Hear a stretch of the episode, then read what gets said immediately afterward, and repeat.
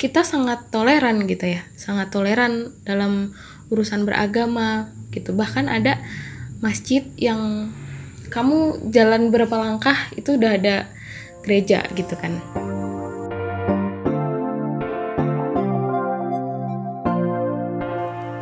Hai, kamu sedang mendengarkan Jangan Nyasar, podcast yang membahas hal-hal ringan tentang anak muda yang kadang bingung, kesasar, tapi ada juga yang tahu jalan. Selamat mendengarkan.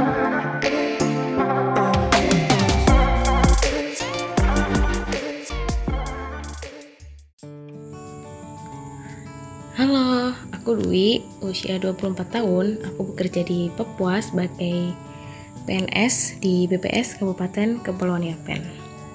Hmm, kenapa milih Papua? Hmm, awalnya itu ketika ada pembukaan CPNS tahun 2018, saya memutuskan untuk merantau. Saya memberanikan diri untuk mengambil kesempatan keluar Jawa. Awalnya saya bingung karena di instansi yang saya pilih hanya menyediakan untuk mengisi kuota di wilayah luar Pulau Jawa. Nah, yang menarik perhatian saya waktu itu adalah wilayah timur Indonesia, antara Maluku atau Papua. Karena menurut saya, eh, ketika saya memutuskan untuk merantau, akankah lebih baik ketika pilih yang paling jauh? Karena ya emang itu keinginan sih dari awal. Nah, uh, atas beberapa pertimbangan, akhirnya saya memilih provinsi Papua. Saya menjalani tes yang disediakan. Saya tes di Surabaya.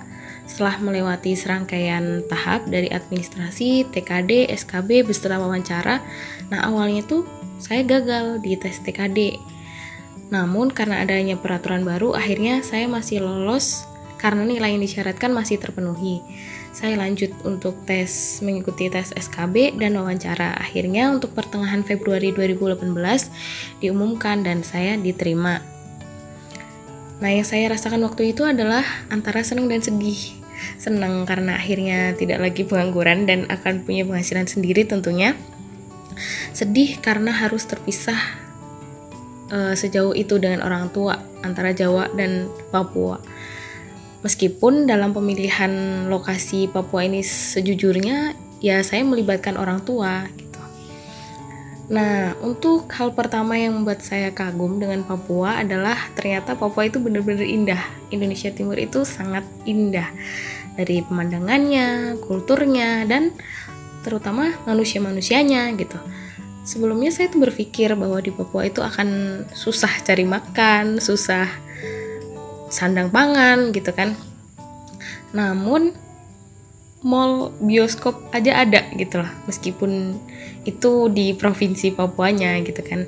Hingga ketika itu saya pertama kali datang ke Papua saya dibekalkan oleh ibu saya. Itu beras 3 kilo ada sabun mandi sampo sabun cuci dan pewangi. Untung free bagasi. Pesawatnya waktu itu 20 kilo sedangkan posisi barang bawaan saya itu 18 kilo jadi masih eh, nggak uh, over gitu kan.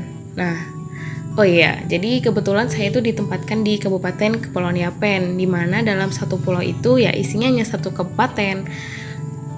Untuk di satu kabupaten Kepulauan Yapen itu ada ada kota kota kami namanya itu dikenal dengan kota Serui gitu. Coba deh search di Google kalian akan menemukan keindahan pantai Sarawandori yang sangat bening, hijau dan menyegarkan mata gitu. Nah, selain pantai Sarawandori yang terkenal itu, ada juga banyak pantai. Biasanya saya kalau mau ke pantai yang deket-deket itu paling 10 menit sudah nyampe gitu kan. Jadi emang kita dikelilingi oleh pantai. Oh iya, di sini nggak ada gunung ya. paling ada tebing yang tinggi nah itu pun hutan gitu uh, terus oh ya untuk uh, kalau dari Serui aku mau ngasih info nih kalau transportasi dari kalian semisal dari Jawa nih dari Jawa ke Serui ini ada dua jenis transportasi yang bisa membawa kalian atau membawa aku ke sini. Nah, itu ada pesawat sama kapal. Nah, kalau kapal saya belum pernah sih karena katanya butuh waktu seminggu di laut. Nah, untuk dari Serui sendiri sampai ke Surabaya itu belum ke rumah saya ya, kabupaten saya tentunya. Nah, kalau naik pesawat itu sekitar 5 jam. Sebenarnya cepet sih, hanya lama di waktu transitnya. Nah, kalau saya itu dari Surabaya, kemudian transit ke Makassar, kemudian dari Makassar langsung ke Biak. Biak ini merupakan salah satu bandara yang cukup besar di Papua. Jadi selain di Jayapura, ada bandara di Biak yang bisa menghubungkan langsung ke Serui gitu. Nah, kemudian dari Biak ke Serui kita naik pesawat kecil yang kurang lebih 60 penumpang lah dengan jarak waktu tempuh itu 20 menit udah sampai ke Serui. Oh ya, kalau mau dari Kabupaten Serui ke Provinsi Papua juga ada cuman ada dua jalur, jalur laut sama udara, nggak ada jalur darat. Jadi kalau naik kapal harus uh, dua hari kira-kira. Kalau naik pesawat sekitar satu setengah jam. Hmm, oh iya, untuk Serui sendiri ini men, termasuk wilayah aman di Papua. Di sini juga banyak perantau, bahkan saya udah tidak kaget kalau di sini menemukan orang yang satu kampung. Dulu pernah saya bertemu sama orang yang sekampung saya, Tuban.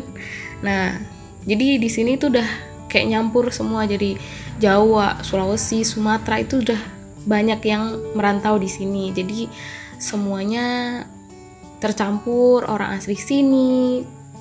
Bahkan dari luar Papua juga sudah ada banyak.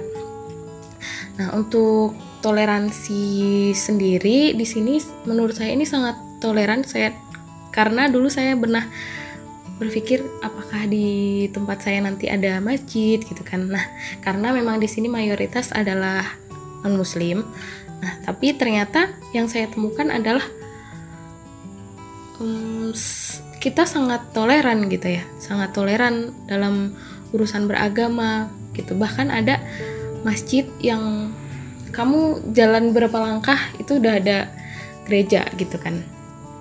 Jadi ini sangat aman.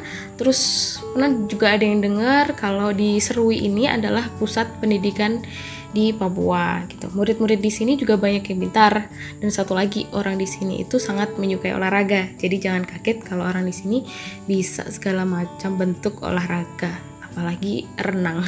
Pasti jagonya karena di sini kan kepulauan. Uh, oh ya, selain bekerja, biasanya setiap minggunya hari Sabtu sore saya dan rekan-rekan tentunya menjadi relawan pengajar di komunitas belajar Papua He. Oleh sebab itu, saya tahu kalau murid-murid Papua itu pintar-pintar.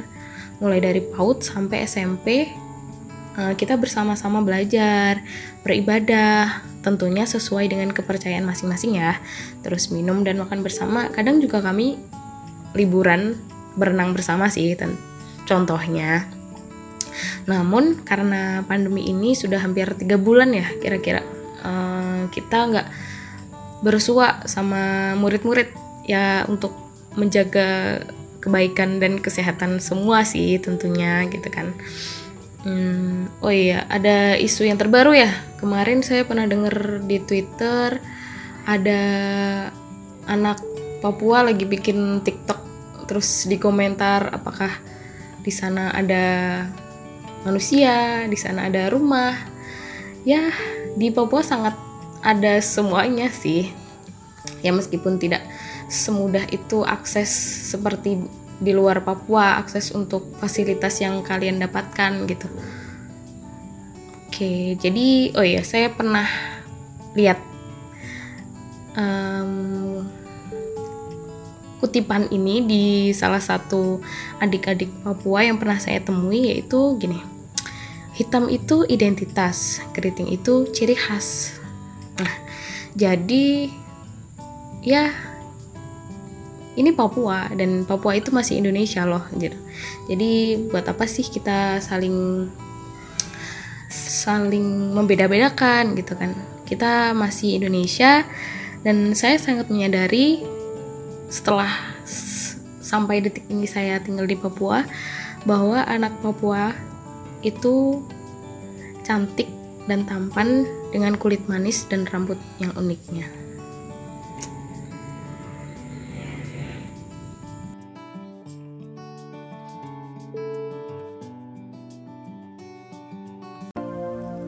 Terima kasih sudah mendengarkan podcast Jangan Nyasar.